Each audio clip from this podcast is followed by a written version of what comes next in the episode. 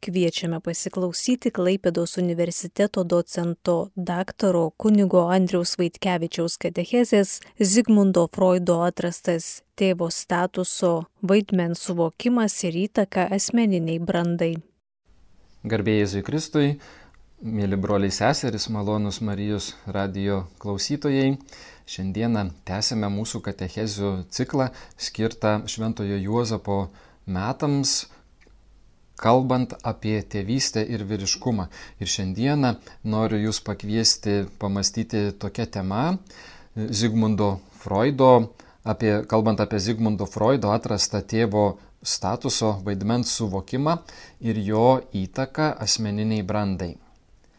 Žvelgiant į šiandieninę mūsų visuomenę, būtų neteisinga tvirtinti, jog tėvo statusas yra dingęs, tačiau socialinėse struktūrose tėvo statuso egzistencija arba tėvo buvimas šeimoje dažnai pakimba ant plauko arba jos svarbą norima pašalinti.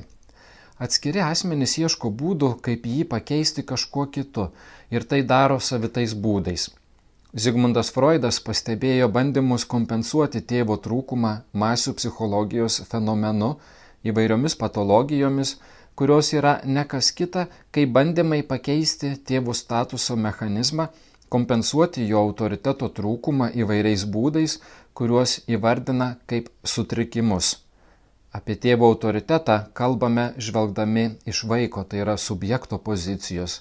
Tai yra žvelgdami iš asmens, kuris kalba apie save, apie savo gyvenimą, savo prisiminimus, troškimus, problemas, pusės. Freudo teigimu, tėvo statuso naikinimas susijęs su simbolinio ligmens susiskaldimu. Naudodamas klinikinį tyrimo metodą per žodį, Zigmundas Freudas rado galimybę įeiti į subjekto, tai yra žmogaus gelmes, ir tokiu būdu padėti jam rasti tiesą bei būdus siekti pagyjimo. Jo manimu, žmogui reikia padėti save išreikšti, įvardinti tai, kaip jis jaučiasi, ką masto, tai, ką jis laiko tiesa. Klausydamas savo pacientų pastebėjo, kad jie kaip subjektai gydimo metu susipažino su tiesomis slypinčiomis juose, kurių dar jie patys nežinojo. Norėdami suvokti Zigmundo Freudo mąstymo metodą, turime suvokti, kad jis vertina žmogaus elgesio ir pasirinkimo galimybės per norėjimo, troškimo, vokiškai wünsch vertinimo prizmę. Noras arba troškimas yra tai, kas skatina daryti pasirinkimus, nepaisant to, ar jie veikia teigiamai ar neigiamai patį veiksmą atliekantį subjektą. Pažvelkime, kaip Zigmundas Freudas suvokia tėvų statuso klausimą šiuose savo veikaluose - totemas ir tabu, masių psichologija ir egoanalizė, mozė ir monoteizmas. Tėvo klausimas toteme ir tabu. Totemas ir tabu yra puikiai pirmykštės ordos iliustracija, kuri analizuoja Edipo kompleksą mitiniais laikais. Čia analizuojama dviguba koncepcija - to, kas šventa ir vadinama totemu, ir to, kas uždrausta ir vadinama tabu. Totemo ir tabu apmąstymas koncentruojasi aplink fobinio objekto statusą Ir būtent tai veda Freudą link kelio ir kalbėjimo apie tėvo statusą. Tai, ko to temas ir tabu mus moko, yra tai, kad tėvas veiksmingai uždraudžia troškimo pasiraiškimą vien todėl, kad yra miręs. Ir pridėčiau, nežino net jis pats, supraskite, kad jis miręs. Tai mitas, kurį Freudas siūlo moderniam žmogui, nes šio laikinis žmogus yra tas, kuriam Dievas yra miręs, taja prasme, kad jis manosi tai žinas. Tai prašo Žakas Lakanas. Zigmundo Freudo mokyklai pats svarbiausias ir universaliai galiojantis kompleksas ir jo veikimo principas yra Edipo kompleksas, kuris labiausiai atitinka mūsų indoeuropietiškam šeimos suvokimo modeliui, kuris yra orientuotas į tėvystės, tėvo viršenybę. Įstatymiškai tai įtvirtinta pradedant nuo Romos teisės laikų, krikščioniškoje moralėje ir galutinai užtvirtinta turtingų darbdavių moderniojo industrializmo laikais Europoje ir vakarietiškame pasaulyje.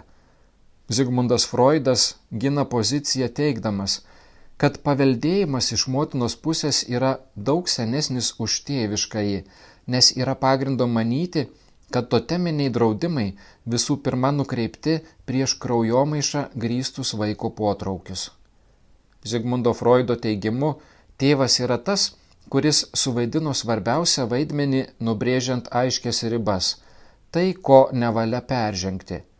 Jo naudojimas instrumentas, kalbėjimas apie to temą ir tabu leidžia analizuoti sunkiai suvokiamą tikrovę.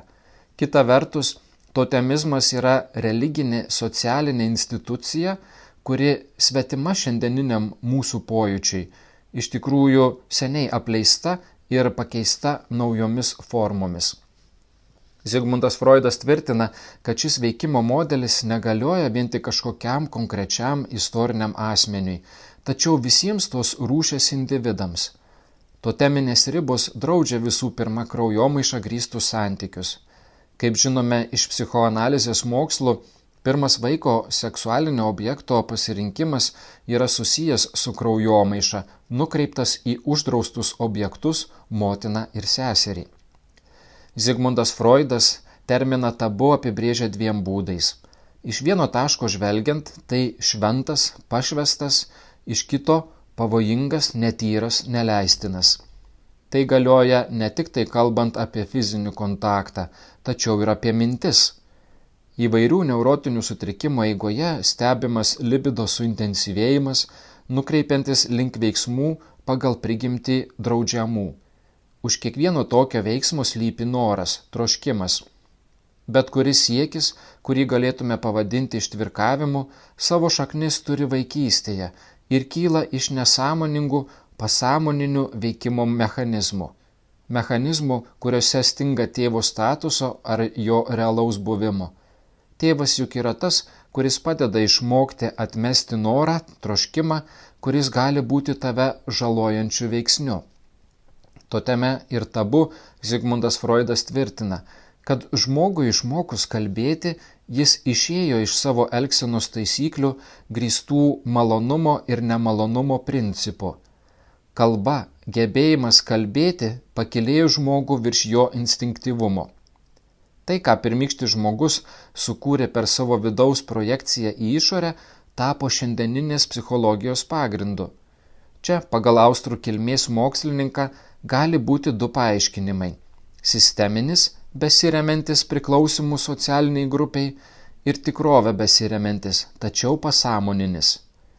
Tabu atspindi socialinio priklausimo pusę ir, kaip sako Zigmundas Freudas, kartais sunku identifikuoti, kur prasideda sutrikimas, o kur tai yra tik socialiai susiformavusio reiškinio įkūnyjimas. Tačiau vienas dalykas tikrai aiškus bėgimas nuo tikrovės, nuo žmonių bendruomenės ir neurotinio elgesio pasireiškimas gali būti formuojamas kultūriniais veiksniais. Neurotikas arba sutrikimų turintis žmogus intensyviai nuolat masto apie savo problemas, tačiau negeba jų spręsti dermėje su jį supančia tikrove, su tiesa.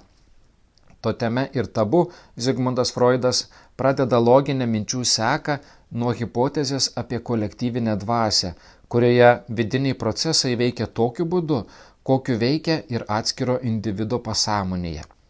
Analizuoja vaikų brandos etapą, kuriame jaučia neapykantą tėvui ir kuriame vaikas tėvą mato kaip savo norų ir su litiškumu susijusių troškimų išsipildymo kliuvinį.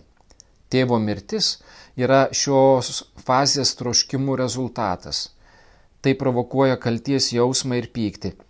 Iš bendrosios Zigmundo Freudo rašto analizės suvokiame, kad santykis su mirusiu tėvu dar sustiprėja ir jis tampa tuo, kuris yra nuolat šalia, skirtingai nuo fiziškai egzistuojančio esančio tėvo. Žakas Lakanas, analizuodamas Zigmundo Freudo raštus, yra sakęs, jog tėvas, kurio nekenčiama, tėvas, su kuriuo norima neturėti nieko bendro, tampa simboliu, su kuriuo save identifikuoji. Remdamėsi Julijanus Kanca moksliniais tyrinėjimais, Jį nuodugniai ištirnėjus Zigmundo Freudo raštus galima teikti, Freudo tėvas yra pastatytas į subjekto centrą, kaip nustatantis neatšaukiamą draudimą kraujomaišos tabu klausimu. Trejybinėme edipinėme santykyje motina veikia kaip draudžiamas norėjimo objektas, tabu, kurį jam nustato tėvas, veikiantis kaip kliūtis ir draudimas. Knyga, kurią analizavome, privertė jo autorių apmastyti žmogaus statusus, vaidmenis, tėvo poziciją žvelgiant iš žydiškos ir krikščioniškos kultūrų sanduros apžvelgimo pozicijų.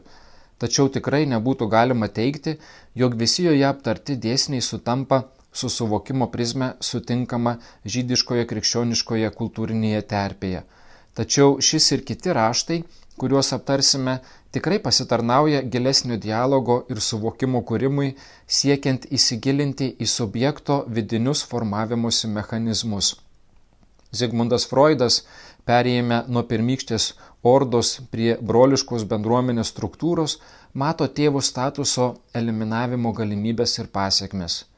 Dar šio mokslininko gyvenimo laikais vyko šis procesas - siekis pašalinti tėvą ir jo autoritetą jo statusą siekiant lygybės, buvimo broliais, nepripažįstant šeiminio santykio laipsniškumo tarp tėvo, motinos ir vaiko. Ką Zigmundas Freudas kalba sekančiame savo veikale masių psichologija ir ego analizė. Masių psichologijoje ir ego analizėje e, autorius bando paaiškinti masių fenomeną ir atsakyti į klausimą, kodėl žmogus elgesi kitaip, kada yra ne vienas – masių veikime žmogus save identifikuoja su pačia mase, įsivaizduodamas pasaulį, kuriame būdamas konkretaus darinio dalimi, kuria iliuziją, tarsi veiktų savarankiškai. Praranda autonomiją ir intelektinę iniciatyvą, taip pat pusiausvyrą ir moralinį žvalgumą. Mainais už tai gaudami jėgos jausmą kylanti iš priklausimo masiai, kuri suteikia saugumo ir ramina. Zigmundui Freudui sociologija, kuri analizuoja žmogiškuosius santykius visuomenėje, tampa taikomąją psichologiją. Tai reiškia, kad individo psichologija pritaikoma masėms. Čia kyla Zigmundo Freudo minties originalumas, nes tai, kas laikoma sociologijos mokslo šaka, pritaikoma psichologijoje. Pereinama nuo socialinio potraukio prie seksualinio potraukio tematikos. Masės viduje atskiras individas patiria psichikos veikimo pokyčius.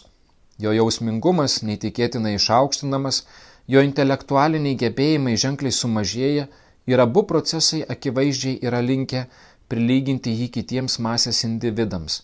Šį rezultatą galima pasiekti tik panaikinus kiekvienam asmeniui būdingų instinktų nuslopinimą ir atsisakant specifinių tik tau būdingų būdų išreikšti savo polinkius.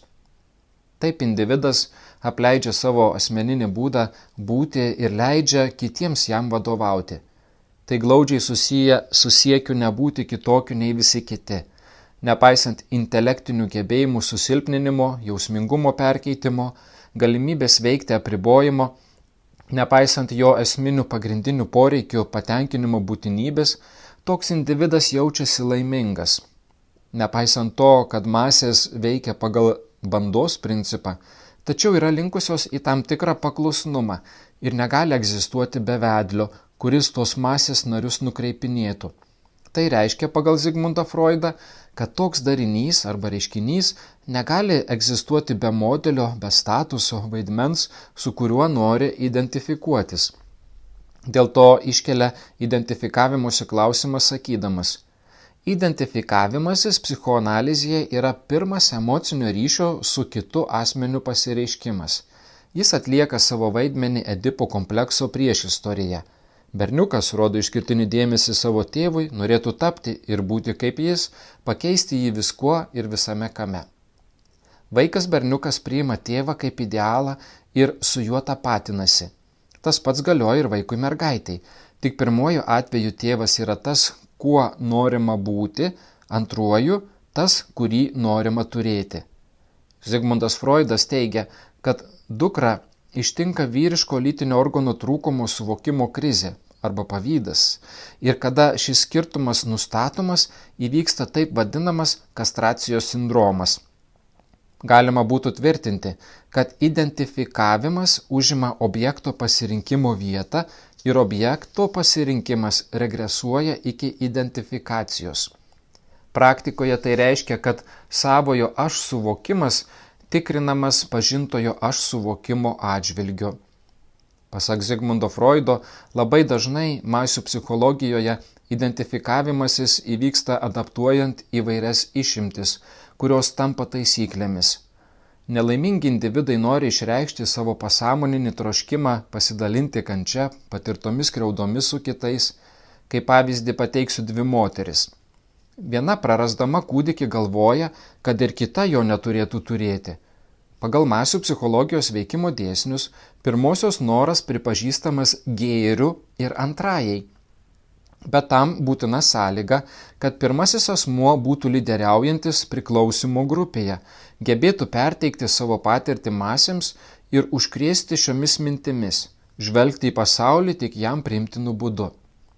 Zigmundas Freudas tvirtina, kad kiekvienas individas yra tarsi elementas, kuris dalyvauja daugelių masių formacijoje, o per susitapatinimą subjektas, kurdamas daugia šalių santykių, susikuria savojo aš idealą, pagristą įvairiausiais skirtingais modeliais. Tam tikrais atvejais individas visiškai atsisako savojo aš jausminėje ir psichologinėje sferose bei pakeičia jį kolektyvinės laimės idealu įkūnijamo tos grupės vado asmenyje. Masių psichologijoje nebesvarbu tampa ir lytis, kuri nebetlieka jokio vaidmens, nebetitinka jokio statuso. Dėl to, kad pačios masės tampa troškimų objektu ir išsipildymo garantu. Čia, kaip sako Zigmundas Freudas, atsiveria erdvė įvairiems sutrikimams, neurozėms, emociniams sutrikimams, taip pat ir fiziologiniams. Tai pasireiškia tą akimirką, kada toks individas pasitraukia iš savo priklausimo grupės ir pasineria į savo svajonių pasaulį, nebetitinkantį realybės. Zigmundas Freudas analizavo masių fenomeną ir jam buvo gerai pažįstamos idėjos, skatinusios susikoncentruoti prie išimčių ar susitapatinti su pačiomis masėmis. Procesai, kurie vyksta ir šiandieninėje visuomenėje susitapatinimas su masėmis, kuris tam tikra prasme yra ne kas kita, o bandymas pakeisti tėvo statuso trūkumą, suteikiant jo statuso galimybę pačiai masiai. Tai procesas, kuris prasidėjo tolimoje praeitie, gimstant industriniai modernistiniai visuomeniai ir trunkantis iki mūsų dienų. Ką Zigmundas Freudas rašo savo veikale Mozė ir monoteizmas. Nuvykęs į Romą, Zigmundas Freudas, sustojęs prie Mozės skulptūros, atranda santykių su savo tautos religinėmis šaknimis. Veikale Mozė ir monoteizmas jis tęsia Edipo komplekso analizę, temą, kuri labai kritikuota po Totemas ir Tabu knygos išleidimo. Juliana Kanca sako, kad jeigu tėvas Toteme ir Tabu yra troškimo tėvas, pirmykštės ordos tėvas, Čia pagrindinis veikėjas yra ištisos tautos tėvas, paženklintas tuo nužudimu, kuriuo pašalintasis sugrįžta dar atkakliau.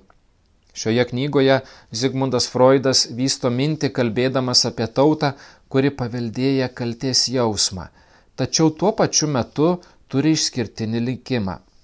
Autoriai, kritikuodami šį veikalą, teigia, kad čia atsispindi paties Zigmundo Freudo emocinis nebrandumas jo kasdienėme gyvenime, kuriame nebuvo geras tėvas, ir edipinė drama, kurią jis pats išgyveno tik pirmykštės ordos analitinio metodo ligmenyje. Kodėl monoteizmas sudomino Zigmundo Freudą? Analizuodamas religijų fenomeną prieina išvados, kad dievai yra kintančios figūros paremtos žmogiškojo norėjimo išpildymo principu – Tačiau, kada kalbama apie vieną Dievą, yra visiškai kitaip. Jis atitinka tėvo statusą, jis duoda įstatymą, jis nustato tvarką. Mokslininkas pradeda nuo Egipto religinės sistemos analizės e, Dievo Saulės tam, kad nukeliautų prie to dvasinio modelio, kurio tradicijai jis pats priklausė - dešimties įsakymų Dievas Jahve. Pirmasis modelis, kurį pritaiko paversdamas Mozę egiptiečiu, atsisakančiu to, ką pavadinčiau rasių šaknies fenomenu, dalyko psichologija. Antrasis verčia jį kalbėti apie neišvengiamą nematomybės primatą, kuris charakterizuoja apibūdina ryšio su tėvu svarbą. Ryšio besiremenčio tikėjimu ir įstatymu ir jo pirmenybę prieš motinišką į santyki besiremianti akivaizdžiu kūniniu ryšiu. Šis paskutinis didelis veikalas skirtas žmonijos kilmės analizai ir perėjimo nuo prigimties prie kultūros reiškiniui analizuoti. Čia Zigmundas Freudas bando istorijos susitikimo su kultūra galimybę psichoanalizėje. Ar gali istorija būti suprasta naudojant psichoanalitinius instrumentus? Ar galima istoriją suvokti apmastant ją per Edipo komplekso prizmę? Tam tikra prasme tai skamba kaip bandymas psichologizuoti pačią istoriją. Tačiau šis Zigmundo Freudo darbas parašytas galvojant apie tris aspektus - laikantis tam tikros metodologijos, apjungiant autoriaus patirtį ir pereinant prie tam tikro siekiamo tikslo. Metodas jis vysto savo tautos istoriją, o tą momentą, kada jam pristinga istorinių žinių, pritaiko psichologinės tikimybės metodą. Pagal Zigmundą Freudą subjektas gali patvirtinti savo egzistavimą tik mirusio tėvo sąskaitą. Jis kaltina save dėl šios mirties. Šiame darbe vaikas suvokiamas kaip e, tas, kuris turi jaustis kaltas dėl tėvo mirties ir būdamas atskirtas nuo tėvo. Čia labiau reikėtų kalbėti apie paties autoriaus santykį su tėvu, kadangi tuo metu sužinojo apie besiartinančią tėvo mirtį. Greičiausiai tai jo bandymas sureguliuoti savo vidinius konfliktus. Reikalingas kitas asmuo, tėvas, jo statusas, kuris padėtų susitvarkyti su kančios, prasmingumo ir pačios mirties klausimu. Mozė Zigmundui Freudui yra tarsi idealusis tėvas, įstatymo tėvas, figūra į kurią žvelgdamas gali atsakyti į savojo identiteto klausimus. Jam priklauso įstatyminis autoritetas. Mozė ir monoteizmas iš naujo patvirtina, kad tėvo nužudimas priveda prie mirusiojo garbinimo ir ryšio sustiprėjimo. Taigi, jeigu troškimo išpildymo kliūtis, šiuo atveju tėvas, yra pašalinama, vis tiek negaunamas leidimas prieiti prie troškimo objekto draudimas netgi sustiprėja. Būtent dėl to tėvo statuso ir tėvo vardo būtinumas grįžta kaip neišvengiamybė, kuri struktūruoja visą žmogaus pasąmonę ir emocinius ryšius. Jeigu Zigmundas Freudas kalbėjo apie šią problematiką, vadinasi ir jo laikais šis klausimas buvo nemažiau aktualus negu mūsų laikais. Tėvo atvaizdo, tėvo statuso problematika atspindi Visas 20-asis amžius - pasauliniai karai, noras išsilaisvinti iš autoriteto gneuštų, hipių judėjimai, seksualinė revoliucija ir taip toliau. Kaip sako Masimo Rekalkatis, visuomenėse, kuriuose trūksta šeiminio santykio su tėvu, nėra kontakto su jo statusu, jo simboliu, kyla įvairios radikalizmo bangos, kadangi tokios visuomenės ir atskirų jos individų pasąmonė ilgisi santykio su aiškiu, gal net griežtų įstatymu, kurio simbolinis autoritetas, siauraja prasme kalbant, yra šeimos tėvas. Aleksandras Mičerlichas teigia, kad analizuodamas psichikos turinį, Freudas atrado instinktyvių ir pirmapradžių žmogaus nuostatų pėdsakų, kurie patyrė silpnėjimo ir deformacijos procesus kultūrinėme poveikyje. Kultūra palaipsniui deformavo prigimtinius žmogiškojo suvokimo principus, kurie pasąmoninėme ligmenyje vis dėlto išliko tie patys. Zigmundo Freudo darbas parodo, kaip nesąmoningi instinktyvūs potraukiai ir pasitenkinimo fantazijos susilieja su realybės suvokimu ir su galimybė orientuoti, kreipti savąjį libido į objektą, kad būtų galima jį panaudoti tikslui pasiekti ego, tai yra aš, pasak Zigmundo Freudo, numato galimybę realizuoti, tobulinti, sunorminti savo nuostatas. Tokiu būdu jis sujungė švietimo, analizės ir valdymo, tai yra kontrolės triadą. Žakas Lakanas viename iš savo susitikimų, kada katalikams kalbėjo apie Zigmundo Freudo atrastus dėsnius, sakė, viena iš esminių freudistinio pasąmonės suvokimo charakteristikų yra tai, kad pasąmonė gali būti išverčiama, suvokiama, netgi ten, kur negali būti išverčiama. Tai yra tam tikrame radikaliame simptomo taške, ypatingai isterijos simptome, kuris pagal savo prigimti neiššifruojamas – pateikiamas pasąmonėje tik tam, kad prisiskirtų funkcijai statusui to, ką įmanoma išversti. Žakas Lakanas, analizuodamas freudišką įtroškimą, apibūdina kaip tą, kuris žymi kažkokią konkrečią reikšmę. Tos reikšmės yra pasikartojančios ir veda prie subjekto, dažnai net pažinto, giluminio pažinimo. Zigmundui Freudui tėvas yra tas, kuris padeda suvokti daiktų, reiškinių, statusų reikšmes. Tėvas yra figūra, kuri sistematizuoja individuo psichosocialinį gyvenimą, tai yra jo statusas ir užduotis. Dar trumpai apie Edipo kompleksą. Zigmundas Freudas savo darbuose įtvirtino Edipo komplekso suvokimo mechanizmą ir simbolinės kastracijos suvokimo svarbą, bei šių procesų metu veikiančių pagrindinių veikėjų tėvo, motinos, vaiko įtaka pasąmoninių struktūrų susikūrimui vaiko, paauglio ir net suaugusiojo gyvenime. Abu tėvai formuoja vaiko susitikimą su skirtingomis lytimis ir jų simbolikos įsisavinimu. Tėvo statusas ir pagrindinis vaidmuo - neleisti atlikti to, uždrausti tai, ką Sofoklio Edipas padarė savo gyvenime – susiporavo kraujomaišos būdu su savo motina ir užėmė tėvo vietą.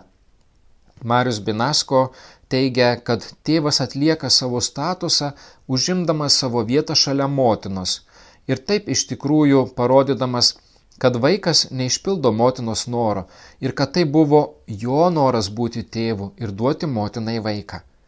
Šį procesą psichologija vadina kastracijos procesu kuris vaiko pasąmonėje struktūruoja simbolinio falo praradimą berniukui ir tai, ko neturi mergaitiai. Turėti ar neturėti, čia yra esminis klausimas. Edipo komplekso centre atsiduria vaikas ir jo troškimas būti su motina, eliminuojant tėvą, įsimylėjusi varžovą – Brestant vaikui, išėjimas iš Edipo komplekso įvyksta atsisakant šio noro, integruojant tėvų statuso reikšmę, mesgant ryšį su kitais priešingos lyties atstovais ir tokiu būdu patenkinant šį poreikį. Kraujomaišos tabu yra tas, kurį nustato tėvas, jo statusas. Jis niekada nėra suformuluotas tarsi kokia taisyklė, tačiau visada veikia. Tai pasąmoninio ligmens draudimas – kylantis iš žmogiškųjų veiksmų, tokių kaip simboliai, kalbėjimas, ryšiai ir taip toliau. Kiekvienas įstatymas yra universalus ir galiojantis visiems. Tačiau kodėl tas įstatymas negalioja pačiam tėvui?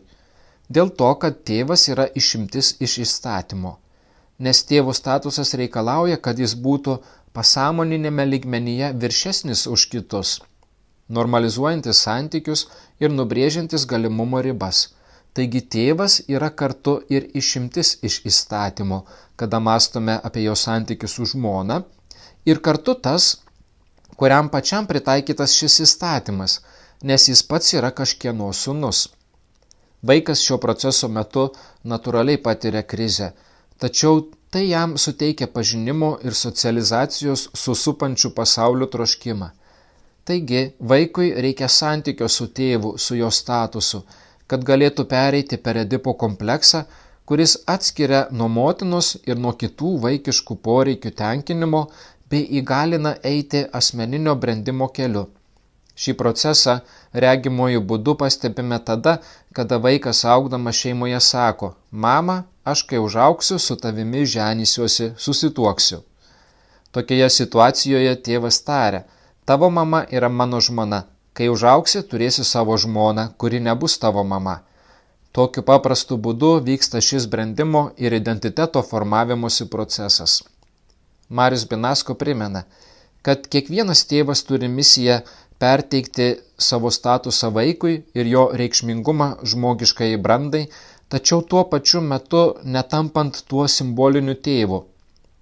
Taip yra todėl, kad joks realus tėvas negali būti be trūkumų, be ribotumų, dėl to, kad jis yra unikalus subjektas, perėjęs specifinį brandos ir žmogiškosios raidos kelią. Ir būtent dėl šios priežasties kasdienybėje dažnai kalbama apie tėvą kaip apie netobulą, turinti silpnybių, nepakankamai atliekantį savo pareigas ir taip toliau.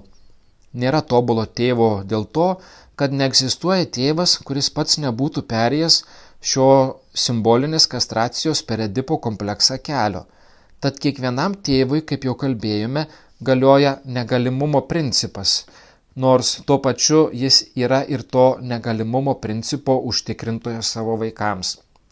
Kada kalbėsime naudodami šią psichologinę logiką apie paties Dievo suvokimą, Dievo tėvystės suvokimą, matysime, kad Dievas yra tobulas būtent dėl to, kad nėra paliestas kaip tėvas šio edipinio komplekso. Jis yra tėvystės šaltinis ir pradinis įstatymas, kurį pažindamas žmogus, su kuriuo kurdamas santyki žmogus gali geriau suvokti ir šeiminio tėviškumo principą, modelį ir statusą. Malonis Marijos radio klausytojai, dėkoju šiandieną Jums uždėmesi. Taip pat primenu, kad katechezių įrašus rasite Marijos radio mediatekoje. Taip pat e, video katechezių medžiagą galite rasti Telšių viskupijos YouTube kanale.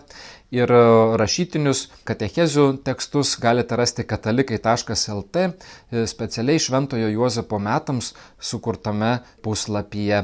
Iki pasimatymų kitose susitikimuose. Garbė Jėzui Kristui. Girdėjome Klaipados universiteto docento daktaro kunigo Andriaus Vaitkevičiaus katechezę tema Zigmundo Freudo atrastas tėvo statuso vaidmens suvokimas ir jo įtaka asmeniniai brandai.